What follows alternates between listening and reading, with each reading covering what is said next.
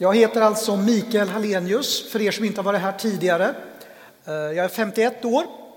Jag jobbar som lärare på Akademi för ledarskap och teologi. Och det är en utbildning som Pingströrelsen är med och äger tillsammans med Evangeliska Frikyrkan och Alliansmissionen. Så en hel del av ledare och pastorer har jag varit med och tränat som finns i Pingströrelsen. Så det känns alltid roligt att få säga det, att man liksom tillhör flera samfund som lärare på ALT. Men jag är också pastor tillsammans med min fru Agneta. Eh, och vi tjänar i församlingen Mötesplatsen i Örebro och har gjort det i snart 18 år. Eh, så det är också en stor glädje. Och sen reser jag och predikar så här. Och jag vill säga det att de av er som känner så här att den här predikan, att man kommer mitt in i något. Och det stämmer ju, jag har ju undervisat igår ganska mycket. Och jag kommer inte säga allt det igen. Däremot vill jag berätta att det har ju spelats in igår och det kommer läggas ut så att det kommer finnas att lyssna på den här undervisningen på något sätt sen. Och det blir, tror jag blir bra för det blir en helhet. Därför det jag har predikat och undervisat om är egentligen den helige Ande. Olika sidor av vem den helige Ande är och att det handlar om att brinnande hjärtan, vad betyder det? Men som sagt jag tar inte allt det. Jag vill bara berätta innan jag börjar den här dagens predikan att jag har med tre böcker också som jag har skrivit, som är en trilogi om tro. Eh, och de finns där ute i foajén som ni kan köpa. Det finns ett paketpris som mitt förlag har tagit fram eh, och det swishar man sådär. Eh, och så kan man köpa dem enskilt då till ett visst pris. Och de här böckerna handlar egentligen om sånt där som jag inte alls tar upp idag, men som har varit viktigt för mig att undervisa tro. Vad är det att tro? Så den första boken handlar om andlig klarsyn.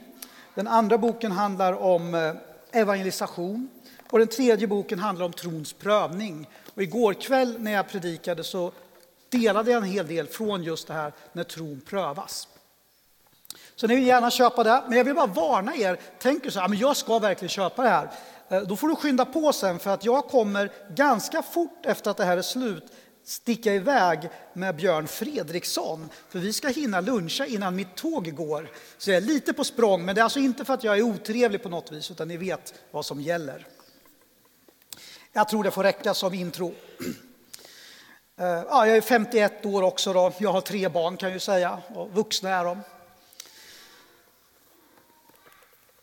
Jag ska nu predika om två sidor, eller nej, tre sidor blir det av den helige Ande, vad den helige Ande gör. Och det här är sånt som vi kan se i Jesu liv.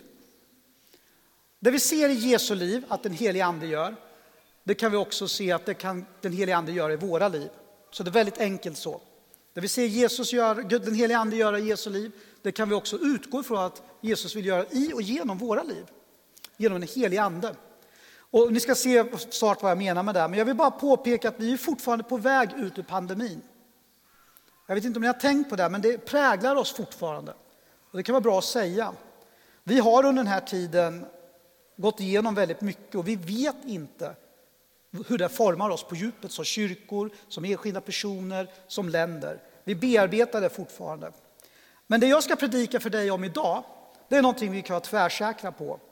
Och det är det att det samma ande som verkade i Jesu liv verkar i våra liv. Ja, det är goda nyheter. Så gå med mig till Markus evangeliets första kapitel så ska vi läsa vers 9 till och med 13. Markus kapitel 1, vers 9 till och med vers 13.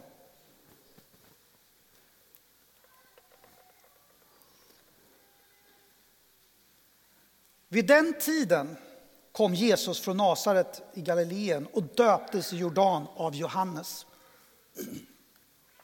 När han steg upp ur vattnet såg han himmelen dela sig och anden komma ner över honom som en duva.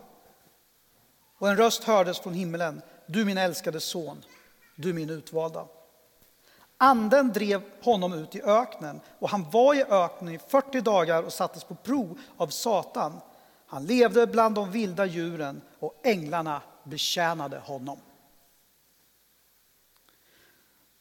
Så jag vill börja med att säga det uppenbara. Om vi bara läser det här avsnittet i Markus 1, då ser vi att anden bekräftar Jesu identitet.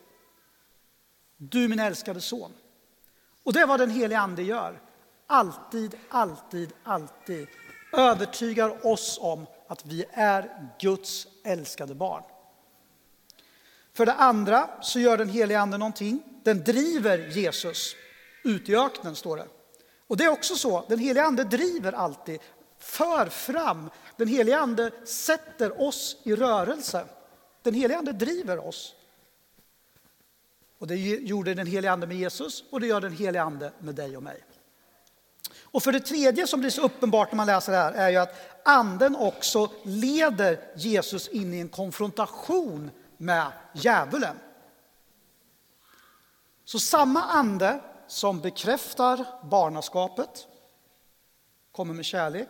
Samma ande som driver, sätter riktning och skjutsar ut folk i hela världen med budskapet. Samma ande gör så att de som tror, precis som Jesus, kommer att stå i konfrontation med Satan.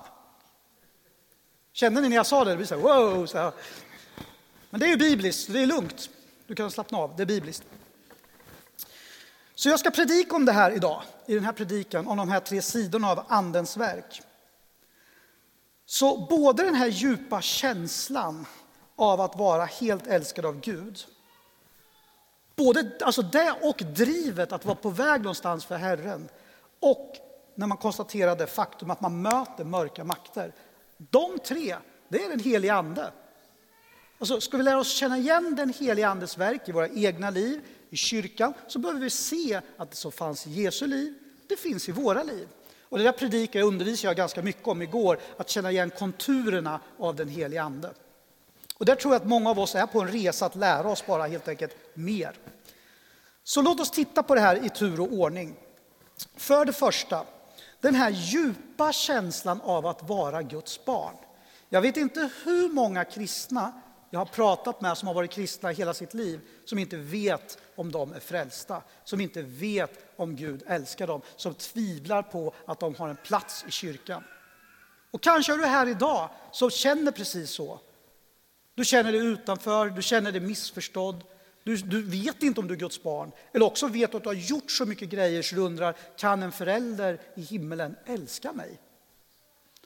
Och svaret är att genom den helige Ande så kan du bli övertygad om att så är det.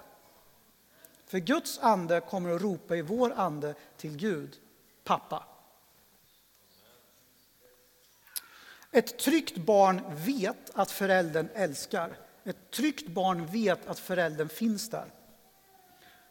För många år sedan när ett av mina barn var precis gick på dagis, jag hade varit och handlat med den här ungen, går vi upp för trapporna i eh, våran, eh, till vår lägenhet i Borlänge. Sex halvtrappor. Två stycken kassar hade jag. Det var fredagstacosgrejerna i. När vi kommer upp till nästan högst upp i trapporna, då får mitt barn för sig att han ska testa en grej. Han har aldrig gjort det här, men han tycker att det är dags nu. Han kastar sig handlöst bakåt och skriker ta emot pappa. Och eftersom jag är en god förälder släpper jag båda kassarna, kastar mig som en handbollsmålvakt och tar hans huvud först. För jag tänkte, den får ju inte slå i liksom stentrappan.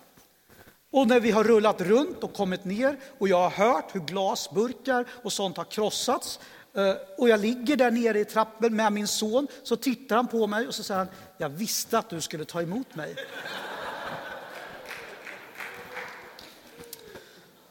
Vet du att Gud tar emot dig? Vet du att Gud vill fånga dig när du faller? Vet du att när det gick sönder, det som inte fick gick sönder, Gud är där och är kvar?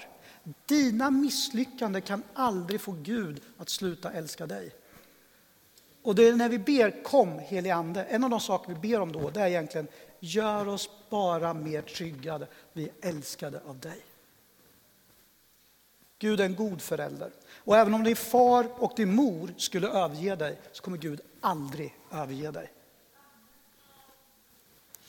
Så vi ska läsa ett bibelord till. Vi ska läsa från Titus kapitel 3, vers 4 och 5. Det här går ju bra. Det här går jättebra. Det är bara att börja. Titus kapitel 3, vers 4 och 5. Eh, och det jag undervisar och predikar för dig om i den här förmiddagen, det är de här olika sidorna av vad den helige Ande gör. Och när vi ser att Jesus döps i Jordan så ser vi att det kommer en djup